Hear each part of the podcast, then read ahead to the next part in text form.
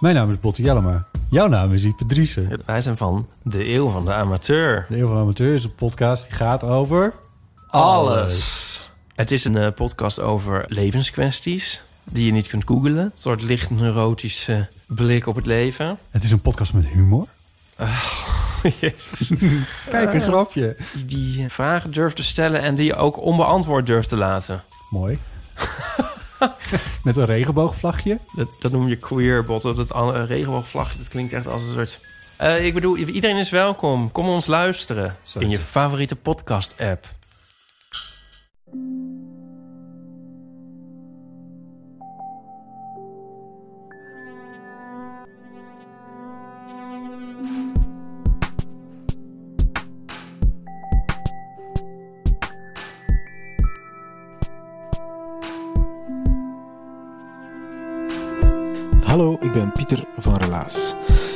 In Relaas hoor je waar gebeurde verhalen en die worden altijd verteld door mensen die ze zelf hebben meegemaakt. We gaan het jaar 2019 toevouwen met onze eindejaarsspecial. En daarin halen we enkele oude verhalen van onder het stof. We hebben ondertussen zo'n indrukwekkende 150 verhalen staan. En deze week halen we er vier van naar boven en die hebben allemaal een link met Oudjaarsavond of het einde van het jaar. Het is een beetje een crypto-kronkel. Je mag zelf op zoek gaan telkens naar de link en die dan eventueel laten weten in een berichtje of op onze Facebook. We beginnen met een makkelijke link. Het verhaal heet De Kroketten van Wouter. Hij vertelde het, het was in Husset in Gent op het einde van 2018. Ik weet het nog heel goed. Het was eh, net na een heel droevig verhaal, want we vertellen zo vier verhalen op een avond. Dus het was net na een heel droevig verhaal. En toen Wouter begon te vertellen, dacht ik eventjes, wauw, nu zitten we nog dieper in de put dan we bij het vorige verha- verhaal al zaten. Maar zoals het een beetje een slechte clickbait-titel betaamt, wat er toen gebeurde, raad je nooit.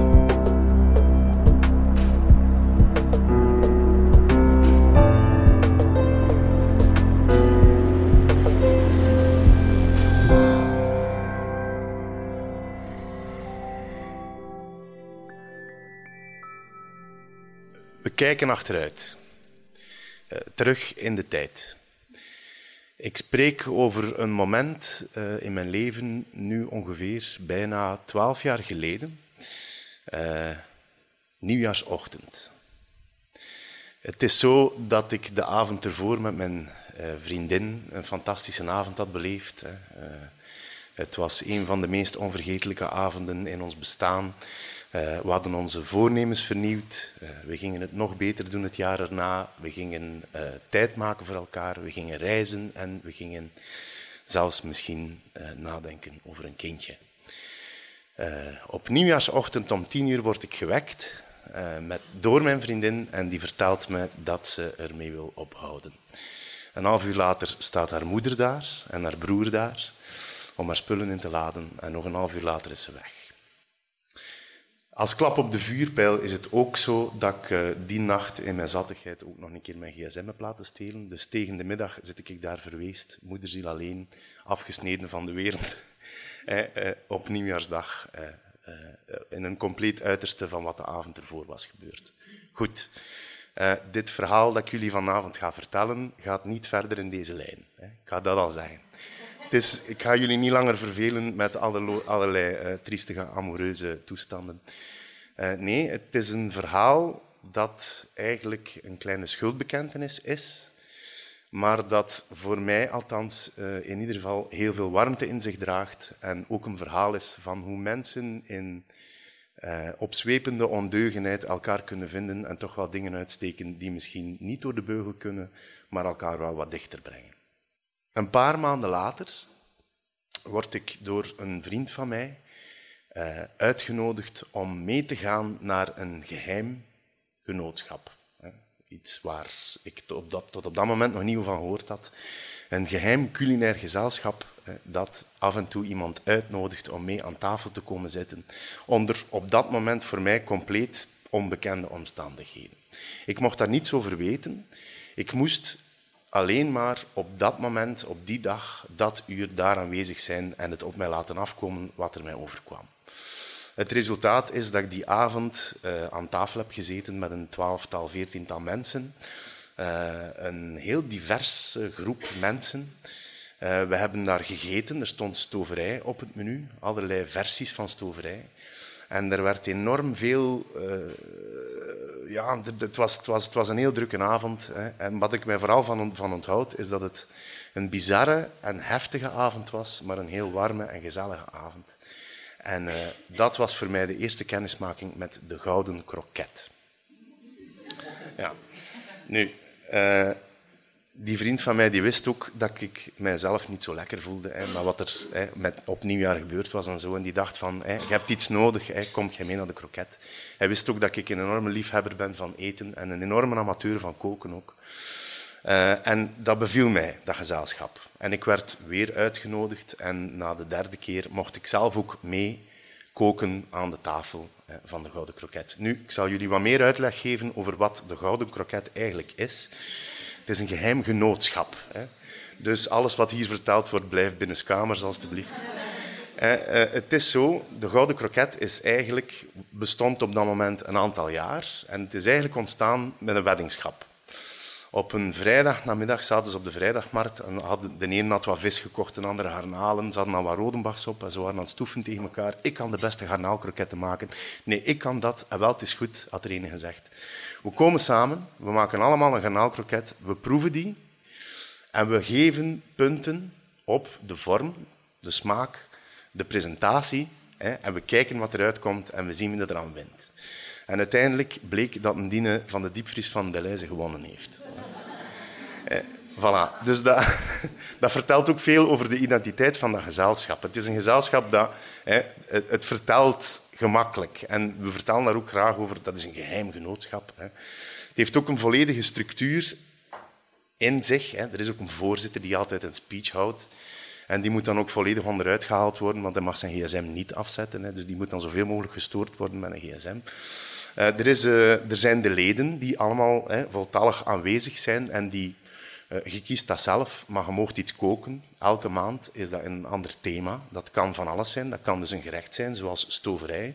Maar dat kan ook een ingrediënt zijn, zoals witloof of asperges. Of dat kan zelfs een kleur zijn of een ander abstract gegeven. Dat kan van alles zijn.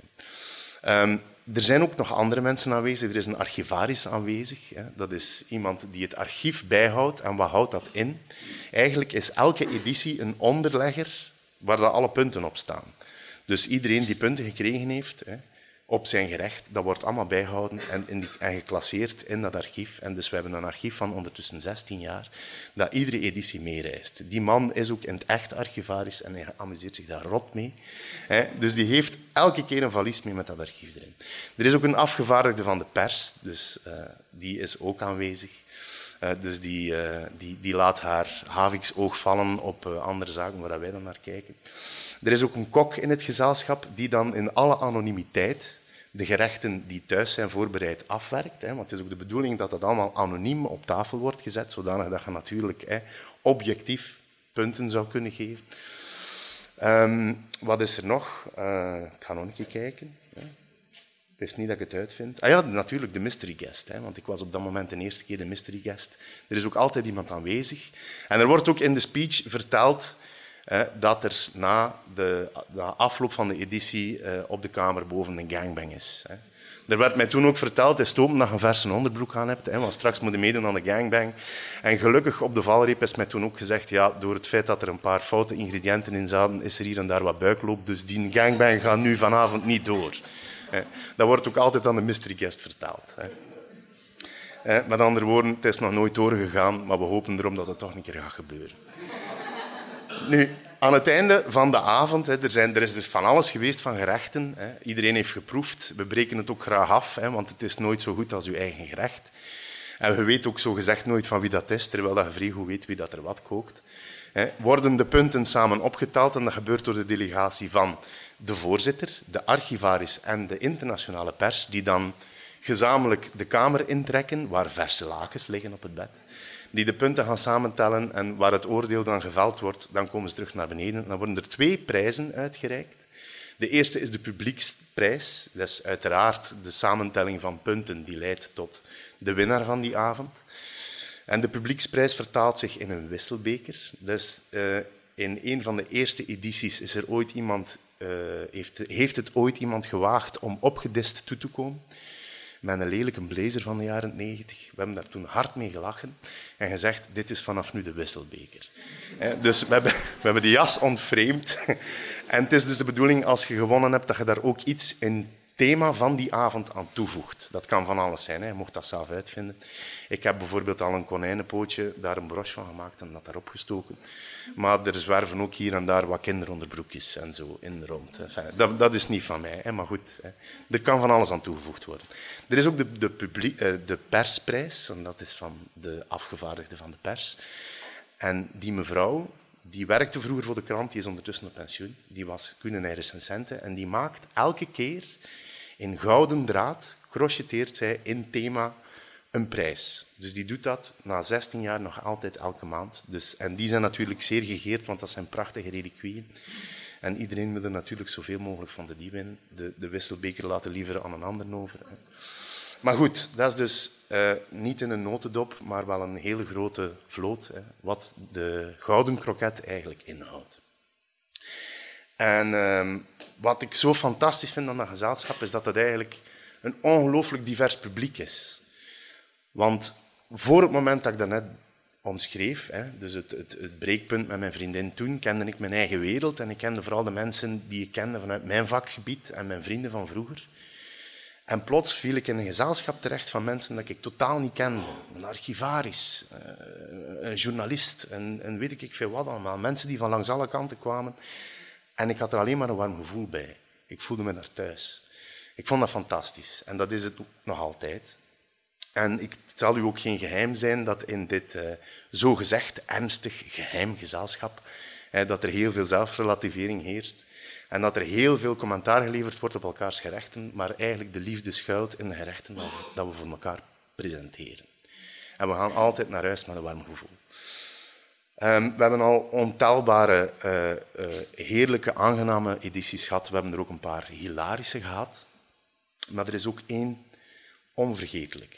En daar wil ik toe komen vanavond. Um, het speelt zich af in Oostende. Nu, ik moet misschien nog iets vertellen van op voorhand, want het vertelt gemakkelijk en graag. Hè. Dus we vertellen er graag over. En mensen worden ook graag warm om daar een keer bij te zijn of zo. Dat wordt wel al een keer gezegd en we kiezen er altijd iemand uit. Nu, er was één iemand die wij van in de wandelgangen kenden en die nam dat zeer ernstig op. En die vond dat dat toch wel, zij moest daarbij zijn. Die, die, die wou echt indringen in dat gezelschap. Dat was iemand die nogal graag bij de high society hoorde en zo. En die vond van zichzelf dat hij daar echt uh, deel van moest uitmaken. En dus die had al een aantal keer de voorzitter erop aangesproken en gezegd wanneer mag ik dan een keer bij die gouden kroket komen. En we hadden dan naar elkaar gekeken en daar ook over had ze van, wat is dat met die, die, neemt dan nu, die mag wel een keer komen eten, maar het is nu ook niet... Hè. Maar die nam dat zo ernstig en die bleef die vraag maar stellen, dat we plots in een gezamenlijk moment van luciditeit gezegd hadden, nou, wat is goed, je mocht uw ingangsproef doen. Dus, wat is er gebeurd? Hè? Er, is een, er is een moment afgesproken en een plaats van de daad. En dat was, uh, zij stelde voor in Oostende. Uh, want in Oostende was er een appartement van haar onkel met zicht op zee. Dat was een prachtig appartement. Als dat dat kunnen bekomen, dat dat daar kon doorgaan, dat ging alleen maar vlees aan het been zijn voor haar lidmaatschap hè, uh, te, te, verzilveren. En uh, voilà, dus Uiteindelijk, wij vertrekken om tien uur in Gent met de trein naar Oostende. Al goed aperitief op een trein en wij komen daartoe in vol ornaat. De deur gaat open en we zien de blik van die vrouw. Ik ga haar naam niet noemen, maar zo'n kleine vrouw met kort zwart haar en een bril. En die staat in de deurgat en die doet de deur open en die blik verstart. En die zegt, ah, jullie zijn hier allemaal. Dus wij stonden daar met veertien aan dat klein deurtje van dat ja, uiteraard. Hè. Ah ja, maar ik had alleen maar jullie twee verwacht, dus over de voorzitter en de afgevaardigde van de pers. Ja, nee, nee, nee, nee, nee. Als je dit ernstig neemt, dan moeten we wel allemaal komen. Ah ja, oei. Ah ja, wat oei? Ah ja, maar ik heb eigenlijk alleen maar ja, drie tomatkrevetjes. Ja, ja, dan zitten we met een probleem. Nu, daar ontstaat een soort van gezamenlijk, wat ik al zei, ondeugendheid. Van, ja, dan wordt dat hier wel moeilijk. Hè? Ja, hoe gaan we dat doen? Zijn we dan weg? Of, uh, Ah ja, nee, nee. Ja, maar ik zal nog iets bijhalen. Dus die, die vliegt naar de winkel om tomaten en om garnalen. Die keer terug. Ja, en heb jij wijn in huis? Ja, twee flessen. Ja, dat gaat niet genoeg zijn. Terug naar de winkel. Nog een twaalftal flessen wijn gaan halen en twaalf pintjes. Hè. Dus wij zo, ja, heb jij frieten en zo? Ja, nee, nee, nee. Ah ja, moest dat ook? Ja, ja het is toch de gouden kroket. Ja, wij beginnen pataten schillen, dat vet opgezet op een schoon, fantastisch terras met een narduinenvloer. Frieten beginnen bakken op die narduinenvloer. Hè. Dus wij, wij zijn daar vanaf 12 uur in de namiddag zijn we daar beginnen schransen. Een fantastisch, fantastische namiddag. De zon scheen binnen op dat terras. En met zicht op de zee in Oostende. Een hilarische namiddag. En toen was natuurlijk het moment aangebroken waarop de delegatie de Kamer moest in verdwijnen. Oké, dus de voorzitter, de archivaris en de afgevaardigde van de pers verdwijnen de Kamer in. Zij zat natuurlijk op eten kolen te wachten van wat gaat zijn, ben ik nu aanvaard? Ja, dat kunnen wij natuurlijk niet zeggen. Dat is natuurlijk de delegatie van afgevaardigden die daarover moet oordelen. Ja, het zal wel een moeilijke worden, want het was natuurlijk, hè, het is een moeilijke start geweest. Ze waren er niet op voorzien. Hè. Een, uur, een uur lang hebben ze zich daarover beraad in de slaapkamer. Om uiteindelijk met toch wel enige gestreken gezichten naar buiten te komen en te zeggen: Kijk, mevrouw, hè, ik zou haar naam bijna zeggen, maar ik mag het niet doen. Hè. Het was een goede poging, maar u bent niet weerhouden. maar hou het alsjeblieft geheim, maar je komt in aanmerking om volgend jaar nog een keer een ingangsproef te doen. Dan hebben we haar bedankt voor bewezen diensten. En dan zijn wij het strand opgewandeld in Oostende. En de zon scheen op onze nek. En het was fantastisch. We hadden een geweldige dag gehad. En we, keken, we keken achteruit naar boven. En op dat terras stond zij, moederziel alleen, op haar knieën met een Ajax. Het frietvet uit die Narduin aan. Ja, dus... Uh, om tot mijn punt te komen, het is een kleine schuldbekentenis. Hè? Maar die groep mensen heeft me wel heel veel warmte bijgebracht in mijn leven. En niet alles is eerlijk in het leven, maar er schuilt wel heel veel schoonheid in. voilà.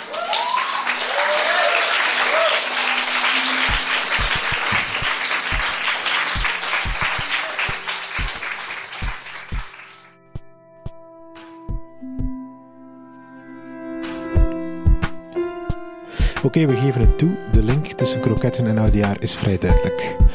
Maar we schakelen meteen een versnelling moeilijker, de tweede ronde, het verhaal van het gebroken bord van Katelijne. Je zou het kunnen zien als iets letterlijks dat tijdens oudejaar gebeurt, maar liever niet eigenlijk. Eh, maar laat ons zeggen dat je de link verder moet zoeken. Dus niet een letterlijk gebroken bord, maar iets anders. Katelijne vertelde haar verhaal in Antwerpen ongeveer één jaar geleden.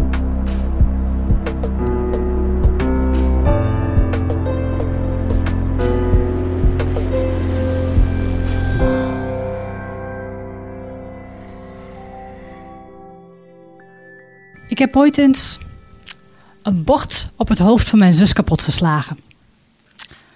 Dat zit zo. We hadden vroeger de afspraak thuis dat, wij, uh, dat mijn moeder de afwas deed na het eten en dat twee van de drie kinderen moesten helpen met afdrogen. En die ene avond, ik zal een jaar of acht of tien geweest zijn, was ik aan de beurt met mijn middelste zus Meerte. Mijn moeder is een hele snelle afwasser. Dus die was klaar en die zegt: Ik ga vast in de living zitten met een kopje koffie. Maken jullie het af? Goed, dat doen wij. Maar mijn zus was traag. Heel traag. En ik irriteerde me daar mateloos aan. Dus ik begon een beetje op haar te zakkeren. Kom op, Meert, schiet eens op. Ik moet hier niet alles alleen doen, hè. Kom op nu, doe nu eens door. Ik heb hier al drie borden gedaan en jij nog maar één. Kom op nu. En zo ging dat door. En ik werd bozer en bozer. Tot dat moment dat ik een bord in mijn hand had. En ik het verloor. Als je nu niet opschiet, dan sla ik dit bord op je kop kapot. Bam! Daar lag het bord in scherven op de grond. Meert en ik hebben er twee seconden naar staan kijken en zijn toen allebei keihard beginnen krijsen. Mijn moeder was natuurlijk wel wat geschrokken van dat lawaai, dus die heeft haar kopje koffie weer neergezet, is snel naar de keuken gekomen. En vanaf dan weet ik eigenlijk niet meer hoe het is afgelopen. Ik weet niet of ik straf heb gekregen of Meerte nog door moest gaan met de afwas. Ik weet alleen dat dit verhaal wel zo de rond te blijven doen in onze familie. Een ander voorval met Meerte dat ik me ook nog goed herinner, is een eh, paar jaar later, ik zal een jaar of vijftien zijn geweest, en mijn ouders waren weg. Dus ik ging koken. Als 15-jarige maak je niet iets heel speciaals, dus het zal een uh, spaghetti bolognese of zo geweest zijn. Maar voor mij was dat eigenlijk wel zo hè, een, een drie sterren Michelin maaltijd die ik daar had gemaakt. Ik heb mijn best gedaan, bloed, zweet en tranen had mij dat gekost. Ik zet de pannen op tafel, de tafel is gedekt en ik roep Meerte. Meert, kom je eten? Meerte komt aangeschokt, traag. Ze kijkt naar die pannen en ze zegt doodleuk, dat lust ik niet. Ik eet dat niet. Ik sta nog aan de tafel. Ik zet mijn handen op de tafel. Ik buig mij voorover. Ik steek mijn vinger uit naar opzij en ik roep: Dat eet je niet, maar dan ga je wel nu naar je kamer. En Meerte kijkt mij aan en gaat inderdaad daar waar ik naartoe wees, naar haar kamer. Nu, ik wil even duidelijk maken dat ik eigenlijk niet zo'n heel agressief persoon ben. Dat lijkt misschien wel zo, maar het komt gewoon door mijn zus. Meerte is twee jaar ouder dan ik, maar ik kan haar wel de baas. Meerte kan gewoon gigantisch irritant zijn. En ze kan mij het bloed onder de nagels vandaan halen. En dat heeft niks te maken met, met jaloezie, hè, want ze is geadopteerd. Dus ze heeft kei mooie zwarte krullen en een donkere bruine huidskleur. Waar ik bleekscheet met blond piekhaar toch wel wat tegen afsteek? Nee. Het heeft er ook niks mee te maken hè, dat ze geadopteerd is. Maar het heeft er gewoon mee te maken dat ze verstandelijk gehandicapt is. Ze is niet zo gewoon, ook al is ze gewoon mijn zus. Ik heb daar heel lang eigenlijk niet zo bij stilgestaan wat dat dan is, hè? of dat dan anders is. Ik kreeg heel vaak de vraag: Goh, is dat niet moeilijk, zo'n gehandicapte zus? En dan ook nog eens gevolgd door de opmerking: Oh, wat knap van je ouders dat ze een verstandelijk gehandicapt kindje hebben geadopteerd. Twee antwoorden. Mijn ouders wisten dat niet, dus dat is helemaal niet knap van ze. En ze is twee jaar ouder dan ik, dus zij was er voor mij en ik ben dus niet anders gewoon. Zo heb ik heel lang in het leven gestaan. Tot ik vorig jaar op een zaterdag namiddag, ik had wat me-time, mijn man en kind die waren samen iets leuks gaan doen. En ik dacht, ik ga shoppen in Antwerpen, relaxed. Koffiebarretje, Sebastien, hè, aan de mer. Ik zet mij daar met een cappuccino aan de krant en ik lees daar een ingezonden brief. Een brief van een 18-jarig meisje. En dat meisje schrijft over haar broertje, haar verstandelijk gehandicapte broertje. En het gaat eigenlijk over het M-decreet. Dat is die, uh, die wetgeving waarbij het gaat over inclusief onderwijs, hè, buitengewoon onderwijs, buitengewone kinderen die in het reguliere onderwijs zoveel mogelijk moeten blijven zitten en zo min mogelijk naar het bijzonder onderwijs moeten gaan. Want dat is goed voor de integratie. En zij schrijft daarover en zij schrijft dat ze zo blij is dat haar broertje wel naar het bijzonder onderwijs is gegaan, omdat hij daardoor is kunnen opgroeien tot het buitengewone kind dat hij is, met zijn eigen talenten, die niet zijn zoals die van de rest, maar die er wel zijn. En ik las die brief en de tranen stroomden over mijn wangen. Want ineens dacht ik, ja, dat is eigenlijk wel zo. En dat meisje, 18 jaar, zo jong, verwoordde de liefde voor haar broertje zo mooi dat ik niet anders kon dan daar zitten, midden in die koffiebar, met de tranen op mijn wangen. Zij omschrijft de zorg die zij voelt en heeft voor haar broertje zo mooi. En ik herkende dat zo hard. Zo herinner ik me die keer dat wij ehm, bij mijn opa en oma gingen logeren. Met ons drieën, mijn oudste zus, Meert en ik. En Meert zal een jaar of tien geweest zijn. En zij kon haar veters nog niet strikken. Nu hadden wij een hele strenge oma. Zo eentje waarvan we ons beschuit met mes en vork moesten eten. Maar ook die vond dat je alles wat je zelf kunt doen, zelf moet doen. Je moet geen hulp aanvaarden. Dus wij mochten Meerte niet helpen met haar veters strikken. Ze was tien, dus ze kon dat best zelf. Ik weet niet wie er op dat moment verdrietiger was. Mijn zusje, omdat ze haar veters niet gestrikt kreeg. Of wij, die daarop stonden te kijken, machteloos, niks mogen doen. Op dat moment wil je voor je zusje zorgen. Ik heb die brief gelezen en ik uh, heb op dat moment mijn gsm gepakt en ik heb mijn ouders de link naar het artikel gestuurd. En de vraag gesteld: Mam, pap, vinden jullie het goed als ik mijn verhaal daarover eens vertel? Want het is niet mijn verhaal, het is ons verhaal. En ik wil wel dat jullie dat oké vinden. Dat ik dat zomaar naar buiten breng. Want we hebben het er eigenlijk nooit over. En mijn moeder reageerde eigenlijk heel snel. Zij stuurde een mailtje terug.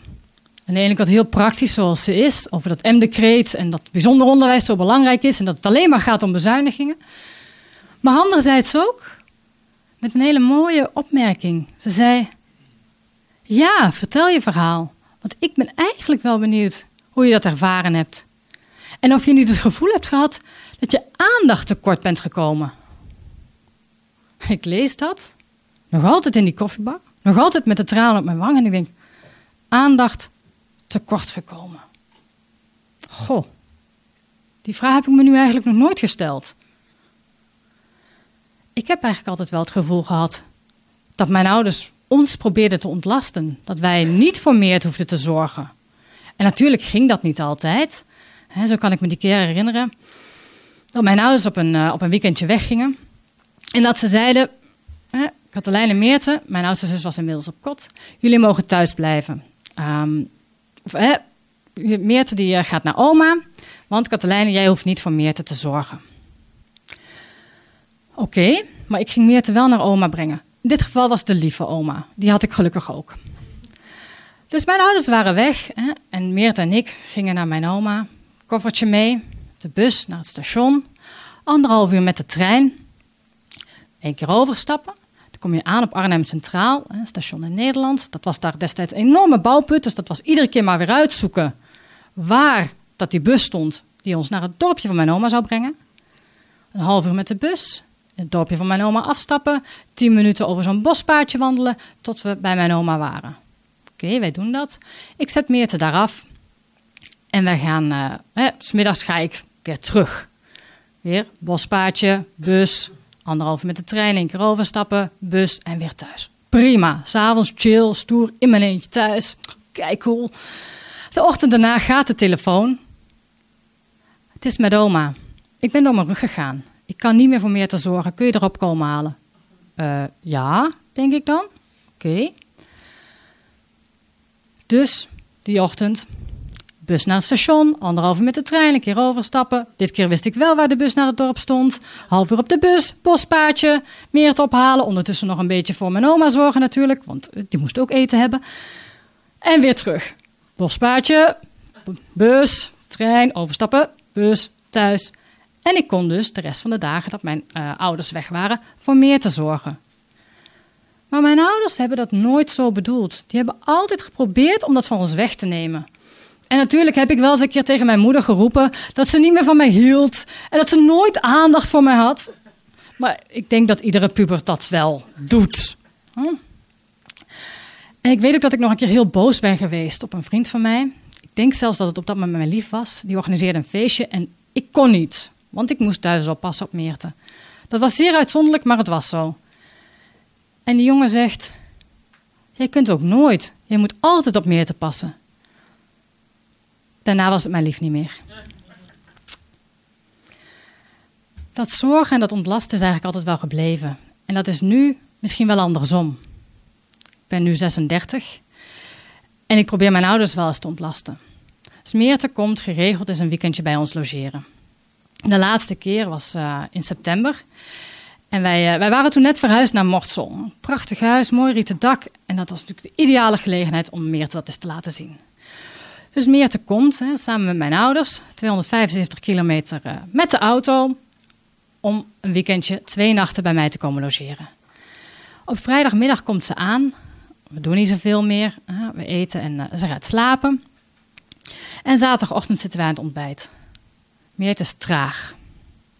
Ze is heel traag. Ik voel dat ik wat gespannen begin te worden. En zoiets heb van, hé, hey, je bent hier wel op bezoek, hè? Dus een beetje vrolijk. Maar ze is traag en ze zegt niet veel. Ik zeg, zus, zullen we naar, eh, naar de jaarmarkt gaan? Die is dit weekend in Mortsel. En dan kan je een beetje zien waar wij wonen. Kan je het, eh, kunnen we een beetje kijken wat hier allemaal is? Ah ja, ja, laten we dat doen, zus. Oké. Dus ik ga alleen met haar naar de jaarmarkt in, in. Ze is traag. Ze loopt achter mij. Ongeveer een meter. Ik vertraag. Zij vertraagt. Ik begin een beetje te zeuren. Kom op, Meert. Loop maar eens door. Kom, doe eens gezellig. Loop gewoon eens naast mij. Ik voel dat ik zo steeds chagrijniger begin te worden. Ik ben al blij dat ik geen bord bij me heb. En ik denk, hier moet ik iets aan doen. Want zo komen wij het weekend niet door. Dus ik, uh, dus ik denk, ja, ik heb het. Meert, zullen we een stripboek gaan kopen? Dat is jaarmarkt, een en al rommel daar. Daar zullen ook wel stripboeken zijn. Ah ja, goed idee. Dat gaan we doen. Ja, ideaal. Meerte krijgt energie en wij gaan op pad. Op jacht naar een stripboek. En zo wordt het eigenlijk best gezellig. Nu, zo'n jaarmarkt, daar kun je ook niet zo heel lang uh, rondlopen. Dus ik, uh, ik zeg tegen haar, ah, ik heb nog een kleurstaaltje hè, van die interieurstylist. Um, ik wil dat even terugbrengen naar de winkel hier in het centrum. Ga je mee? Ja, ja, ik ga mee. Dat is goed. Er had ook niet heel veel andere keuze. Dus wij lopen naar die winkel. En uh, wij stappen daar binnen. En dat is best een chique winkel. Hè? Zo'n zo madame die daar, hè, die staat, die zo'n interieurstyliste is. En ik geef haar dat kleurstaaltje. En ze, die, die dame die kijkt hè, naar mij, mij kent ze dan nog. En ze kijkt naast mij, naar Meerte, en ik zie haar kijken en zich afvragen: wat is dit?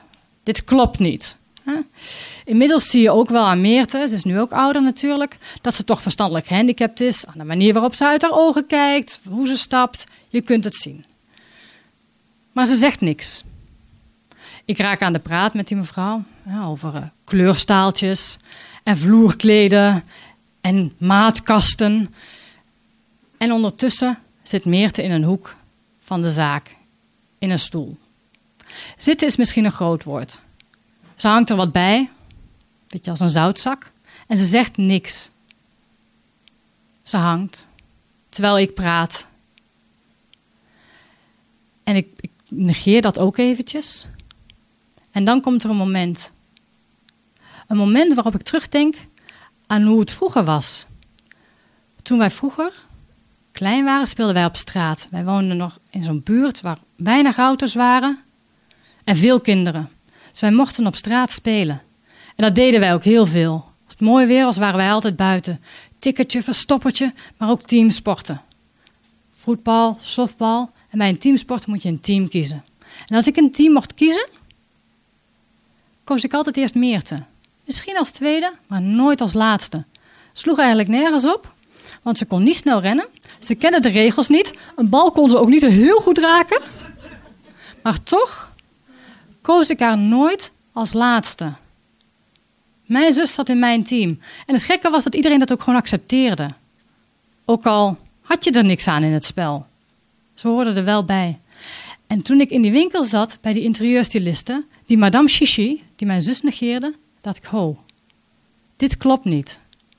En ik zei Meerte, kom anders eens kijken. Welke kleur van vloerkleed zou jij doen?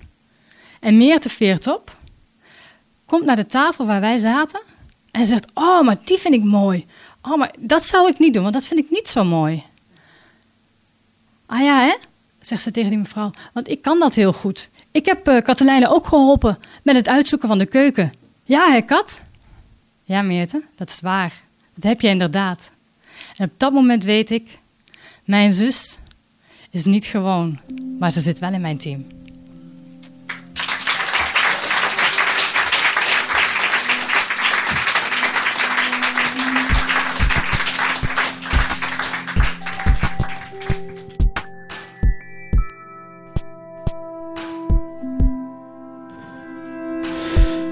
Deze extra lange relaas staat in teken van het eindejaar.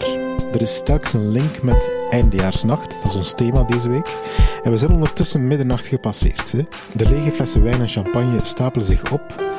Dat knettervuurwerk is al een tijdje afgestoken. De deftige muziek is ingeruild voor Britney Spears. En de helft van het gezelschap krijgt het in zijn hoofd om nog een stapje in de wereld te zetten. avontuur verzekerd. Gelukkig kan er hier bij ons in Vlaanderen weinig fout gaan, maar bij Nicolas ging het wel helemaal de verkeerde kant uit en hij zat ook helemaal aan de andere kant van Europa. Hij vertelde zijn verhaal met de titel Nicolas test de Poolse nultolerantie in maart van 2016.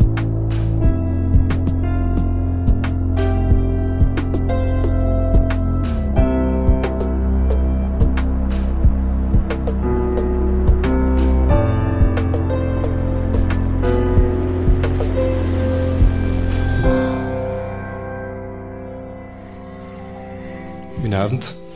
Is er al iemand in Warschau geweest? Ik was daar een paar jaar geleden samen met drie collega's op een teambuildingsactiviteit.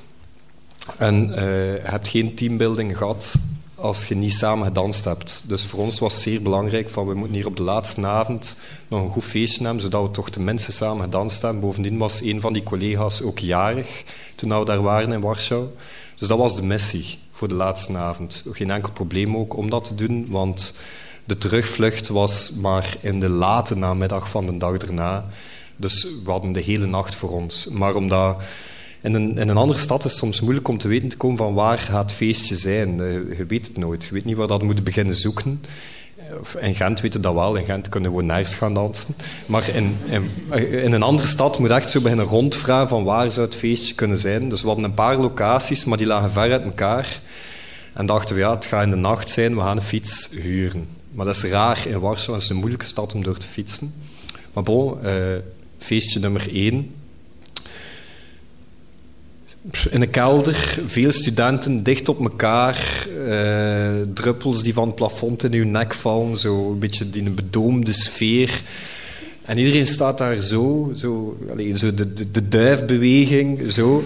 Maar er wordt niet echt gedanst. En wij vragen, ja, maar we want to go to a party. Waar is, waar is het hier te doen? This is party. en ondertussen vodkatjes aan binnenslaan. Dat, dat, was, dat was het feestje voor die man. Maar we wilden iets anders natuurlijk. Dus locatie nummer twee, dat was dan meer de club. De dranghekkens buiten, een buitenwipper die onvriendelijk is, dan dat de binnen moet betalen om binnen te komen. Die zijn ook onvriendelijk. Dan aan de vestiaire zijn ze onvriendelijk. En dan moet je 4 euro gaan betalen voor een onvriendelijke baarman die u een Carlsberg serveert. Alles zo vreemdant, onvriendelijk, laserlichten overal. En dat was nog altijd de duif, maar dat was wel met armke erbij. Zo. Dat, dat was al next level feestje. Um, ook niet echt voor ons, maar de vodka was goedkoper dan de Carlsberg, dus we hebben daar wel nog een paar vodkatjes binnengeslaan. En dan hadden we nog de derde optie, en dat was een yo-yo-club. Dat was een flyerke dat waar ze hadden opgepikt. Um, en dat was op een vrij raar plek. Vandaar ook dat we die tot op het einde houden hadden, want dat was in de schaduw van het Paleis voor Wetenschap en Kunst. Ik weet niet, en hij, hij zult dat ook wel gezien hebben daar in Warschau. Um, dat is die gigantische... Ja, ze noemen dat de bruidstaart van Stalin. Dat is, de, de, dat is een gebouw uit de jaren 50 dat ge, ge, gebouwd is eigenlijk door Russen in Polen als cadeau, omdat zij ook een Sovjetstaat geworden waren. Niet dat ze dat gevraagd hadden of zo, maar dus, dat, was de cadeau. Um, en ze zeggen van dat gebouw, dit is het schoonste gebouw van Warschau. Uh, hier heb je het schoonste uitzicht van Warschau, want dat is de enigste plek dat dat gebouw niet ziet. dus als je daar naar de. Maar in de schaduw daarvan was dus die yo-yo-club, zogenaamd.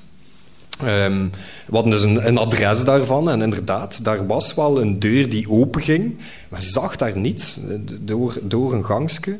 Um, en dan kwamen we terecht in uh, effectief een soort van kraakpand. Maar Jojo was dus niet de naam van die club. Jojo was de naam van dat feestje. Dat was een Jojo-feest. Dus in elke hoek dat ik keek, stonden mensen gewoon te jojo. Dus echt zo, zo, zo en ronddraaien en achter een nek en zo door een been en alles. Dat was echt een jojo-feestje gevuld met mensen die gespecialiseerd waren in jojo. Ik wist niet dat dat bestond.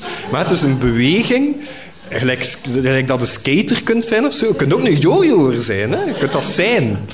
En dat was, dus, dat was het. Uh, en de, de muziek daarbij was wat drum and bass. Um, en daar, waren, daar, daar hebben we kunnen dansen. Dus mission accomplished. We waren rond. De vierde, we waren met vier. Uh, we moeten ons eigenlijk een keer voorstellen. Dus ik ben Nicolas. Uh, dan hadden collega S ja, ik moet de onschuldigen beschermen. Hè. Dus collega S, collega Y En eh, collega T, maar collega T is naar huis gegaan na dat jojo-feestje, die had er genoeg van. Maar wij drieën die nog overbleven, wilden wel nog een vodkatje achterover slaan. En daarvoor zijn we dan naar een 24 op 24 eh haringclub geweest. Dat hebben we ook in, in Polen. Waar dat ze dus ja, dag en nacht haring serveren met vodka. Eh, een, een instituut in de stad is dat eigenlijk. Daar zijn wij ons laatste vodkatjes gaan binnenslaan. Vrij. Maar dan kwamen we daar buiten in de frisse lucht zo. Het valt op u en dan voelde het. Hè. Oeh, wij zijn eigenlijk een beetje beschonken. Vreed eigenlijk. Dus, en dan, ja, we waren nog altijd met die fietsen. Eh, en dan. Maar we, moeten, beginnen nadenken van ja, hoe gaan we weer naar huis gaan? Want dit is echt.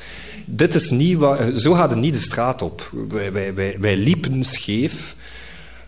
Alles, was een, alles gebeurde al in een waas ondertussen. En we hadden echt door van, dit is iets te rap gegaan met die vodkatjes. Um, en dan hadden we het, maar we wisten wat we moesten doen. We, we, moeten gewoon op het voetpad naar huis. Want de voetpaden in Warschau die zijn waarschijnlijk ook dankzij Stalin redelijk breed. En daarop kun je eigenlijk, je kunt dat beschouwen als een straat, dus daarop kun je eigenlijk perfect fietsen. Dat is wat we dan ook gedaan hebben, echt vrolijk laverend, zo echt, we waren goed geflambeerd, maar maakt niet uit, over, dat rijden, tot als we tegen een groepje politieman opbotsen, die ons tegenhouden en um, ja... Een politieman in België is vaak peervormig. Zo, zo. En dat heeft nog vaak een snor ook. Maar in Polen is dat anders. In Polen is dat meer zo'n jerrycan. Dus een, een, een, blok met een klein dopje van boven. En dat is aan zijn hoofd. En die staan daar zo. Dat is, en dat, een heel uitleg tegen ons waar we niets van begrepen. Geen woord Engels natuurlijk. Ook al ze direct door dat wij toeristen waren natuurlijk. Um, maar het enige dat we begrepen was alcohol alcohol. En die man deden zo van... Dus wat we moesten doen, was blazen in hun gezicht. Echt zo onze drankkegel op hun smijten. Dat was wat we moesten doen. En zo gingen ze beoordelen of dat we niet misschien te veel dronken. Dat was het geval, natuurlijk. Dus, en dan zagen we op die, op die, op die mannetjes zo een, een, een grijns verschijnen.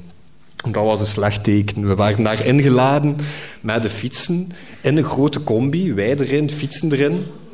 Um, maar op dat moment waren dus nog maar drie. Hè? Dus collega Y, collega S en ik. Maar collega S die kreeg het al wat moeilijk, want die uh, woonde in Antwerpen en sinds dat Bart Wever daar de macht gegrepen heeft, is dat zo een anarchist geworden. En als je die van zijn vrijheid berooft, die is echt allergisch aan flieken eigenlijk. Dus als je die van zijn vrijheid berooft, wordt die echt zenuwachtig. Dus dat was al wij, wij waren daar een beetje gelaten, maar die was van, no, I am a European citizen. I want to know my rights. Ik wil weten wat hier met mij aan het is. Maar die man gaf geen uitleg. En ik zei tegen die Polen van... Ik, ik, was al een keer in Polen geweest vroeger, dus ik ken zo wat zinnetjes. Dus ik kon zeggen, ik begrijp u niet en ik spreek geen Pools. Dus ik zeg dat tegen die man, nie rozumiem, nie mówię po polsku. Maar dat zijn de domste zinnen dat je kunt kennen in een andere taal natuurlijk. Want als je dat perfect Pools uitspreekt, dan denkt die man dat er wel iets anders gaat begrijpen ook. Ik verstond er niets van, van wat ze ons aan het vertellen waren. Bon, uh, we zaten daar in, in, de, in, de, in de combi. We kregen geen uitleg, maar we zagen wel door dat klein raampje van achter dat dat Paleis voor Wetenschap en Kunst kleiner aan het worden was. En we waren echt Warschau aan het buitenrijden. Dat was echt een lange rit. We waren, dat was niet oké. Dat was verkeerd aan het, verkeerd aan het uitdraaien. Um, die flikken hadden ondertussen ook al ident onze identiteitskaart afgenomen. Um, maar dat was uit een van die gasten zijn vestzakje gevallen. En mijn collega uit uh, Antwerpen, collega S, dacht van... dus die pakt dat, stikt dat in zijn eigen broekzak en denkt van... ik ga die man een keer goed leiden hebben, ik ga die een keer goed kloten. En dus we komen toe op de volgende bestemming, weten wij veel waar dat we zijn... En die man zoeken die drie identiteitskaarten, vinden er maar twee. En beginnen daar heel die auto buin te keren op zoek naar die derde kaart. Wij weten dat, dat collega S. Dus wij twee die daar zo meegaand zijn. We willen dat er allemaal rap voorbij is. We willen daar niet te veel spel maken. Maar collega S staat daar met zijn kaarten in zijn broekzak. En uiteindelijk moeten wij hem overtuigen van... Geef dat aan die flieken. Serieus, Stijn. Eh, eh, bedoel, S. Geef dat aan die flieken. Dan zijn we daar vanaf. Dan zijn we daar vanaf. Eh, tot zover de onschuldigen beschermen.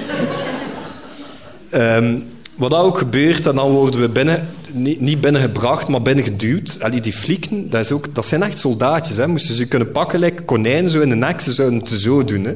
Je wordt gewoon de hele tijd geduwd van muur tot muur. En dan moet je daar binnen en daar binnen. Dus binnen in een, in een, een soort van bunker.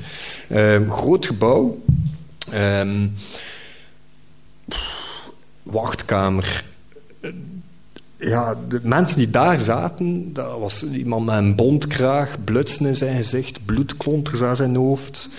Ehm, zo van die, ja, mensen die zo op een, op een, grote blokken van mensen die op zo'n klein stoelje proberen een beetje in slaap te vallen, zo, die zo in elkaar zitten eigenlijk allee, het, de, de veiligheid uit Warschau, het nachtleven van Warschau, bij elkaar geveegd en daar allemaal binnengebracht in dezelfde wachtkamer. Dat zat er daar. Zo van die mensen die geen hoop meer in hun ogen hebben. Zo echt gedraineerd.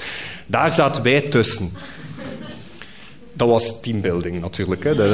Dat, was, dat was goed aan het gaan eigenlijk nog altijd. Maar eh, ook daar was de voertaal Pools en kregen we geen uitleg natuurlijk. We moesten ons centuur uitdoen, we moesten ons schoenen uitdoen, we moesten onze portefeuille afgeven, we moesten onze gsm afgeven. We werden eigenlijk zo wat ja, gestript. En dan naar in een lange gang gestuurd met metalen deuren. En dan voor de tweede keer die avond zagen we een glimlach. En dan zei er iemand zo van, you go. Maar die you go, dat was niet tegen ons drieën, dat was tegen mij alleen. Van, ga jij hier maar binnen. En de volgende, ga jij daar maar binnen, you. Al drie in een aparte cel.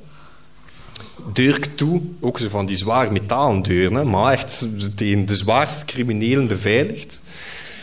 En dat is echt gelijk dat u een cel voorstelt. Hè? Dus zo geen een toiletpot, maar zo een, een, een gat uitgespaard in tegeltjes, zoiets dat je makkelijk kunt afspuiten bedden die vastgewezen zijn aan de vloer met van die zware metalen bouten. Um, een, klein, een klein kijkvensterke in een zwaar metalen deur, zodat je zo juist zoiets kunt doorzien. Een vrij klein vensterke naar buiten ook, met tralies voor. Ja, het gevangen eigenlijk. Hè. Um, en, en, die, die, die, in, die, bedden lag er ook geen matras, maar een soort van groene kunststof die vrij naar zweetvoeten rook. Uh, ja, wat moet je dan doen? Hè? Ja, zij is daar, zij echt wel nog altijd stevig, stevig in de wind. Ja, zo wat naar buiten kijken, kijken naar die combis die het vuil van de straat weer aan het aanvoeren zijn. Uh, je kijkt daar zo naar gevechten buiten, van die gasten die zich verzetten tegen die flieken, gevechtjes buiten. Dat was echt, dat was daar geen, dat was niet gezellig. Hè? Um, maar ik was zat genoeg om te zeggen van, bon, ja, een beetje slapen dan zeker. Um, we waren af en toe een keer gewekt uh, om nog een keer te blazen. Dus we werden gemonitord eigenlijk hoe dat zat met ons alcoholgehalte. En um, uiteindelijk werd het ochtend. Nog altijd lange tijd te gaan voordat onze vlucht was, want dat was echt tegen zes uur in de namiddag. Um, en we werden dan toch uiteindelijk alle drie naar beneden gebracht, opnieuw naar de wachtkamer. We kregen ons portefeuille terug. Maar dat was er gewoon zo 100 euro uitgenomen, de man. Zo, dat, dat, was, we hadden ons hotel in feite al betaald. Dus zijn daar gewoon, ze, pakken dat daar gewoon uit en dan, moeten dat, dan, dan hadden ze dat al. Um, en dan dachten we van, bom, zijn er hier vanaf. Hè? Dus het verhaal zit erop. Maar dan kwamen de handboeien. Dus dan komt ja, dus echt, een, een, een, kwam er weer een flik. Dus het was weer daar, want die andere, dat andere personeel, die hadden zo van die groene jassen aan, gelijk in een psychiatrische instelling. Maar dan kwamen de, de, de soldaatjes weer, dus de jerrycans kwamen weer binnengewandeld. En die sloegen ons gewoon met drie in de boeien. En dan waren wij, dat is teambuilding. Hè? Als je dus met drie aan elkaar in de handboeien hangt, dat is echt, dat is echt in zo'n combi stoken weer met een kooien, gelijk voor hooligans te transporteren van het een naar het ander. Zo zwaar uh, bewapend. En in die combi vertelde collega S dan het verhaal van zijn nacht, want dat was niet helemaal hetzelfde geweest als mijn nacht. Collega S is die anarchist uit Antwerpen. Uh, wiens naam dan niemand kent. Uh, en die zei dat hij s'nachts, dus op dat knopje, het was een knopje naast de deur waarmee dat, eh, als je daarop duwde, kreeg je een glas water. Eh, maar hij bleef daarop duwen, want die wilde meer dan een glas water, die had honger. Dus die was daar blijven op duwen s'nachts, vertelde hij ons. En eh, hij zei dan, hij kreeg natuurlijk geen eten, maar hij zei dan, ja, maar ik heb suikerziekte en ik moet echt iets hebben, want anders ga ik hier, een aanval krijgen. En die man, en hij zei, geef mij een appel. en, en die man kwam niet terug met een appel, maar met zo'n prikkertje voor zo'n suikerziekte. We te zien of dat hij effectief zijn bloedsuikergehalte, of dat dat niet oké was. Dat was natuurlijk wel oké. Okay. zijn alcoholgehalte niet, maar dat was oké. En dan, maar hij wou echt, hij wou, hij wou aandacht natuurlijk, maar hij wou ook weg en hij wou ook, ja, die kon niet slapen. Die kon echt niet slapen. Dus die is blijven duwen op dat balken en dan kwamen ze niet meer. En dan zei hij, ja, kijk, dan hier camera's in die cel. Ze gaan toch wel, moesten nu een epilepsieaanval hebben hier. Ze gaan toch wel komen. Ze gaan toch wel komen om iets te doen voor u. Ze gaan u toch niet hier laten liggen, gewoon zo liggen. En die heeft hem dan op dat groen matras klein zo laten schudden en schuimbekken van... En ze zijn niet gekomen. Allee, wij dan naar het commissariaat. En... Ehm, als we daartoe kwamen, zagen we dat... Dus het, hij zegt van... Eh, toen was het communisme nog niet gevallen in 1971, maar het is nog altijd niet gevallen. Zo, want als je in het commissariaat komt in Warschau, dan... dan uh, zie je dat daar ja, een tijd heeft stilstaan. En dan werden wij binnengebracht bij meneer de commissaris, die natuurlijk ook weer geen uitleg gaf. Eigenlijk wisten wij nog altijd niet wat er gebeurd was met ons. Hè. We wisten, wij wisten echt van niets. Niemand legde ons gelijk wat maar uit. En die mens het was ondertussen tegen de middag, vlucht rond zes uur. Enfin, we dachten van, bon, alleen nu gaat het hier toch wel ver afgelopen zijn. Dus die mens brengt ons binnen in een soort van ondervragingskamerke. Maar leg gewoon zijn voeten op zijn bureau, steekt een dvd'tje in en hij bent gewoon aan een film te kijken. Dus dat was echt, die zat daar gewoon naar zo'n Pools film te kijken. En wij zaten daar met drie op dat bankje, gehandboet aan elkaar vast van, wat is dat hier? Allee, doe iets. En blijkbaar zaten we te wachten op de vertaler. Dien is binnengekomen en Dien heeft eindelijk uitleg gegeven. En Dien zei van, kijk, in Polen is dat even erg of dat je nu op de fiets rijdt of in een auto. Als je vrij veel gezopen hebt, dat is gewoon even erg. Het schijnt dat dat in België ook zo is, maar hier volgen ze dat zo niet op. Maar daar is dat echt waar. Dus daar beschouwen, er is nul tolerantie. Voor zo zal te zijn, is er gewoon nul tolerantie en dat is vrij erg. En dan zei kijk, en dan komt er weer zo'n glimlach. Je hebt zes maanden voorwaardelijk. En als, je, en als je nu in de komende drie jaar... Voorwaardelijk, dat wil nog niet zijn dat je gevangen moet. Hè. Dus dat is als je nog een keer iets gaat misdoen. Maar als je in de komende drie jaar een voertuig gaat besturen in Polen... Een auto, een fiets, een trottinet... Gelijk wat... Dan ga je effectief zes maanden in de gevangenis vliegen. En dan zit er weer zo met een lachje bij zo... En dat is true. Dus dat is echt waar. Um, dus ik heb daar, wij, hebben daar nu allemaal een strafblad in Polen. Het is nog een paar maanden aan het lopen in feite nu. Ik durf natuurlijk niet naar Polen. Hè. Bedoel, wie weet dat die man daar allemaal als een voertuig beschouwen. Ik, uh, misschien een roltrap al erg genoeg om daar opgepakt te worden. Dus ik ga daar niet meer naartoe. Um, maar uh, uh, ja, het is ondertussen was het duidelijk geworden dat we onze vlucht gemist hadden. En ja, het zat erop. Hè. Um, en iedere keer als ik dat verhaal vertaal nu, of als een van ons dat verhaal nu vertaalt hier in België aan iemand die een Pool is, of getrouwd met... Is er hier iemand getrouwd met een Pool? Of zit er hier een Pools of zoiets? Niemand? Niemand die, anders gingen we er nog een keer een vodkatje op drinken. Maar iedere keer als we dat verhaal vertalen, dan krijg je altijd zo datzelfde lachje. Dus die Polen vinden dat allemaal een geestig verhaal. Die zijn het onrecht voelen die niet. Hè. Die vinden dat allemaal gewoon een geestig verhaal. Ja. Eindverhaal ook.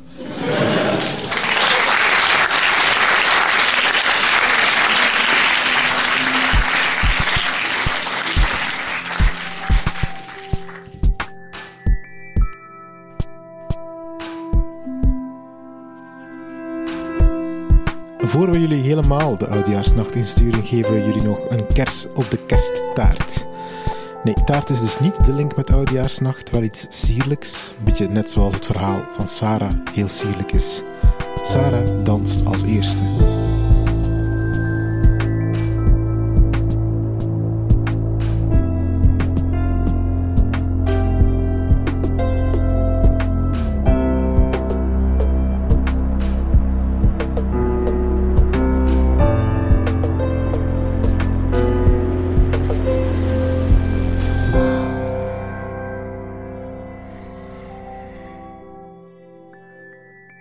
Tegen het eh, einde van de middelbare school kreeg ik een muziekcassette van eh, een klasgenoot.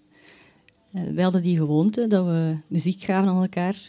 En elke keer als hij me iets gaf, was ik wel onder de indruk. Dat was altijd tof.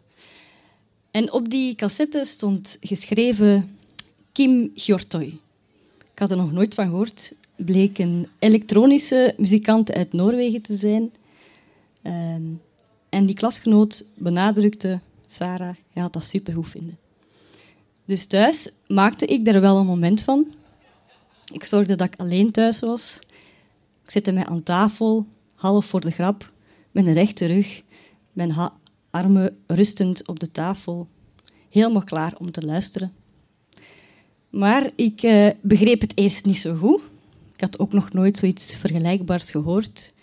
Ik hoorde eigenlijk een rommeltje van beats en opgenomen geluiden. Maar gaandeweg gebeurde het wel en werd ik super enthousiast. Uh, werd ik eigenlijk zelf een beetje overspoeld door hele grote emoties. Ik was toen uh, eh, 16 jaar. Dat moet een van de eerste keren geweest zijn dat ik zo onder de indruk was van iets dat iemand anders had gemaakt. Uh, zijn muziek klinkt eenvoudig en intuïtief gemaakt. Dat vond ik spannend. Het lijkt er ook op alsof hij niet met zekerheid weet hoe dat je muziek moet maken. Alsof dat hij gewoon maar iets probeert. En daar herkende ik mezelf heel hard in. Uh, ik kwam naar België. Ik was toen al begin de twintig. En ik kocht natuurlijk een ticket, want ik wou hem ontmoeten. Maar dan begon ik mij een beetje voor te stellen hoe dat de avond zou zijn. En ik kwam tot de vaststelling dat hij niet echt ging weten wat voor een impact dat hij had op mij. Zelfs niet als ik heel luid applaudisseerde. Dus eigenlijk ging onze ontmoeting een beetje onopgemerkt voorbij gaan. En in de meeste gevallen is dat oké en ook de bedoeling. Maar uh, nu wou ik dus dat het misschien iets anders kon gaan daarbij kwam ook dat ik heel graag wou uh, dat ik van die avond een soort van uh, souvenir had, zoiets van, van ons twee. Dus ik, ik begon zoiets te bedenken. Ik wist dat hij een illustrator was. Ik ben ook een illustrator. En ik dacht, oh, misschien is het leuk als we elkaar kunnen tekenen, gelijktijdig. Dat lijkt me wel iets leuk. Ik wist nog niet of, dat, of dat ik dat kon doen, dus ik nam voor de zekerheid gewoon wel papier mee en potloden. Dus ik ging vanavond zelf wel zien wat dat ging lukken. Uh, het was in Brussel. Het was uh, een hele mooie zaal. Het was uh, een zaal met rode fluwelen stoelen, een heel groot podium met een planken vloer. Er was niet veel aankleding, er waren geen visuals, er waren niet veel speciale spots of zo. Gewoon redelijk sober. In het midden van het podium stond er een tafel uh, met zijn DJ-grief op. En Kim Jortoy kwam meteen op en die begon eraan. En dat was een redelijk heftige set, zo bijna techno. Het was wel redelijk stevig. Uh, het was mij ook meteen duidelijk dat dat eigenlijk was voor op te dansen. En ik keek naar de zaal en ik zag iedereen in zijn schone stoel zitten. Uh, en het is ook een dingetje dat ik heb. Als ik naar een optreden ga, dan voel ik me er vreemd genoeg verantwoordelijk voor dat de artiest zich echt wel gewaardeerd voelt. Dus dan ga ik ofwel heel luid applaudisseren of als enigste een staande ovatie geven. Uh, of fluiten, maar ik kan niet echt fluiten, dus dan zo wat gekwetter. En eh, dat is zo, hè? Ja. En ehm, ja, halverwege het optreden zag ik nog altijd dat iedereen in zijn stoel zat. En ik begon zo ja, zenuwachtig te worden van dit is de avond, dan moet hier gewoon, iedereen moet hier uit de bol gaan. En wat is dat hier? Eh, en vooral ook Kim Jortoy had dat echt niet tof vinden. Ik zat er zo aan me heen. Dus uh, ik begon zo wat, ja, weer een plannetje te bedenken. En ik zei tegen een vriendin die bij mij was van wat ik zou doen. En die zei van, nee, je gaat dat niet doen. Uh, maar ja, dat zat dus in mijn hoofd. Ik kreeg, het kreeg het er niet meer uit. Dus uh, ik deed het dan maar. Mijn verantwoordelijkheid nakomen. Dus ik stond op. Ik wandelde naar het podium. ik klom op het podium. en ik begon te dansen naast Kim Hortoy. En ik, uh, Kim Hortoy die keek een keer op, die lachte, dus ik dacht van, goeie move. En die, ja, ik, ik wou eigenlijk gewoon instant tonen van, kijk, het is hier tof, je bent goed bezig, ik ga hier helemaal uit de bol gaan voor jou. Maar dan, ik dans graag, dus op zich zag ik zo daar, dat zag ik zo wel goed komen, dat deel. Maar ik had eigenlijk nog nooit echt voor zo'n groot publiek gedanst. En instant wou ik van dat podium af. Maar kon dat niet maken, want het stond er nog maar net op. Je kunt niet erop en eraf gaan, maar dan lijkt dat echt op niks. Dus ik moest wel even doen alsof dat allemaal de bedoeling was. Dus um, ja, ik begon me heel mottig te voelen. Mijn, mijn spieren werden helemaal zuur. Uh, mijn kuiten waren aan het trillen. Ik, ik, kon op den duur echt nog zo van die stroeve bewegingen maken. Zo. Maar ik zit er wel door op dit leuke feestje. En ik kon, ik kon ook geen kant op. Weet Ik stond daar. Uh, ik dacht, weet ik ga gewoon dat podium hier wat af. Ik ben zo aan de zijkant gegaan. Zo aan het midden. Terug bij Kim. En uh, ja. En dan... Uh, dat, dat leek ook ik weet niet hoe lang ik daar gestaan heb, maar dat leek, dat leek mij eindeloos te duren. En dan uh, was er iets dat echt op een verlossing leek. Namelijk, er kwam nog iemand op het podium dansen. Echt waar. En er kwam nog iemand op het podium dansen.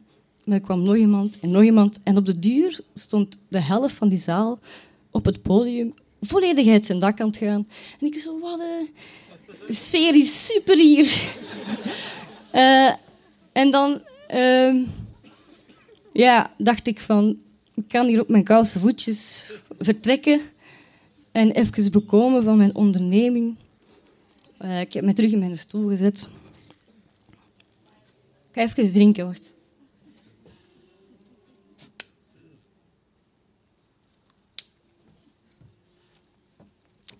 En dus terug in mijn stoel gezet. Optreden was gedaan. Maar dus plan A... Uh, ja, dit was er niet tussen gekomen. Dus, maar plan A, dat, ik, dat we elkaar konden tekenen... Uh, dat zat ook nog in mijn hoofd. En ik kreeg dat er ook niet uit. Dus dat optreden was gedaan. En de security wijst iedereen naar buiten. En ik zeg tegen die. Ik had dat eigenlijk nog niet uitgelegd, maar ik zeg tegen haar... Weet je wat, ga jij al naar de bar ik kom zo meteen. Die keek mij nogal bezorgd aan, maar die keek al heel de avond nogal bezorgd naar mij. uh, dus die was weg. En dan was het, ja, had ik zo'n soort van mantra in mijn hoofd. Weet het is nu of nooit. Morgen is hij naar een ander land. Ik moet het nu doen. Dus uh, heb ik van zodra dat de security even niet keek, ben ik ja, achter het podium gesprongen, in een soort van gangetje. Niet geaarzeld, niet omgekeken, want ik weet, als je aarzelt op zo'n moment, dan valt het over je voeten en dan is het gedaan. Dus ik ben doorgegaan en heb wel even gedacht van, ja, waar ben ik nu weer beland? Maar uh, het was gelijk weer aan het lukken. En dan zag ik een deur met zijn naam op op een papiertje en die deur stond een klein beetje open. Dat leek mij een uitnodiging. Dus Ik, ik, ik klopte heel kort, misschien iets te kort. Ik zwierde die deur open en ik zag hem daar staan en ik vroeg het meteen. Hey, ik denk dat het echt tof zou zijn, moesten we elkaar kunnen tekenen. Dus dat ik u teken, dat jij mij tekent, dat we een portret maken van elkaar. Wat denkt u? Maar dus in het Engels. En terwijl ik dat aan het vertellen was, zag ik dat hij aan het telefoneren was. Dus ik vond het eigenlijk al super onbeleefd dat ik hem stoorde in zijn telefoongesprek. Maar ik keek op van zijn telefoon en zei... Ah, um, okay, I would love to, but let me finish my phone call. Uh, come back, let's say in 15 minutes. Dus ik moest gewoon uh, binnen 15 minuutjes terugkomen. Had op die moment ook wel het gevoel dat hij dat gelijk wel echt wou doen. Dus ik was super content en ik ging naar de bar voor een beetje bier. Ik legde dat uit aan die vriendin wat, ik, mijn plan was. Die schaamde zich enorm uh, in mijn plaats, maar ik had even geen last van. Uh, vijftien minuten waren om. Ik ging terug uh, naar de zaal. Kim Jortoy stond daar super schoon verlicht op mij te wachten. Die lachte naar mij en ik lachte terug. Uh, en, en, hij, en, vroeg, where shall we sit? En ik zeg, uh, let's, zullen we, we zullen in het midden van de zaal gaan zitten. Daar zijn altijd de beste plaatsen. Dus we direct daar gaan zitten. En ik haalde mijn papier dat ik voorzien had van harde flap. En uh, potloden. En ik legde uit waarom het goede potloden waren. Dat waren goed zwart, dat tekent vlot.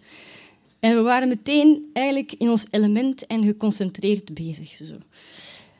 Maar uh, je moet weten, als je een portret tekent van iemand, dat is eigenlijk meteen een redelijk intieme manier van kijken, dat je zo om de paar seconden goed kijkt. like zo, ja, die neus en dan die oren. Dus dat was eigenlijk zo wel een spannend moment, maar we hebben dat, we hebben dat goed opgelost. En hij vertelde een beetje over zijn manier van werken, dat hij intuïtief werkt en knikte. Ik zei dat, ja, dat had ik begrepen. En ik vertelde een beetje over zoveel jaar terug dat ik die cassette uh, had gekregen van een klasgenoot. En uh, ik vertelde er niet bij wat voor een impact dat hij had op mij, want eigenlijk, dat wij daar zaten, dat genoeg informatie. Um, en dan, mijn, ik kan eigenlijk ook totaal niet naar portret tekenen. Mensen worden heel snel oude wezens en zo dikke dingen. Maar hij, hij begon er toch zo wat op te lijken, dus ik vond dat eigenlijk wel positief. En ik zeg, I'm, I'm ready, and, you. En hij toonde wat hij had gemaakt. Uh, en hij had allemaal op één blad kleine portretjes van mij gemaakt.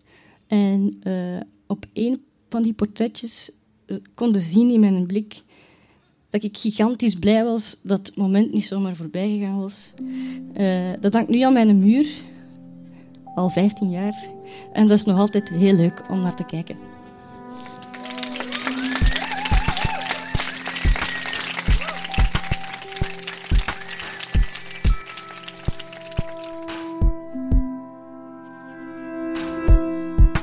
Dat was onze extra lange special van Relaas. Is heel wijs dat je hem helemaal hebt uitgeluisterd. Relaas kwam in 2019 tot stand dankzij de afdeling cultuur van de stad Gent en die van de Vlaamse gemeenschap. Onze partners zijn Urgent FM, Chase, Den Hopzak, Huset en Pulp Deluxe.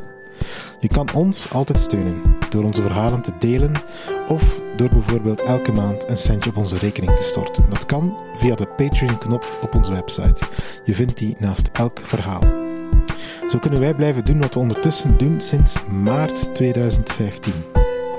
En nog een primeur omdat je zo lang hebt geluisterd. In maart van 2020, dus nu in maart, vieren we vijf jaar relaas.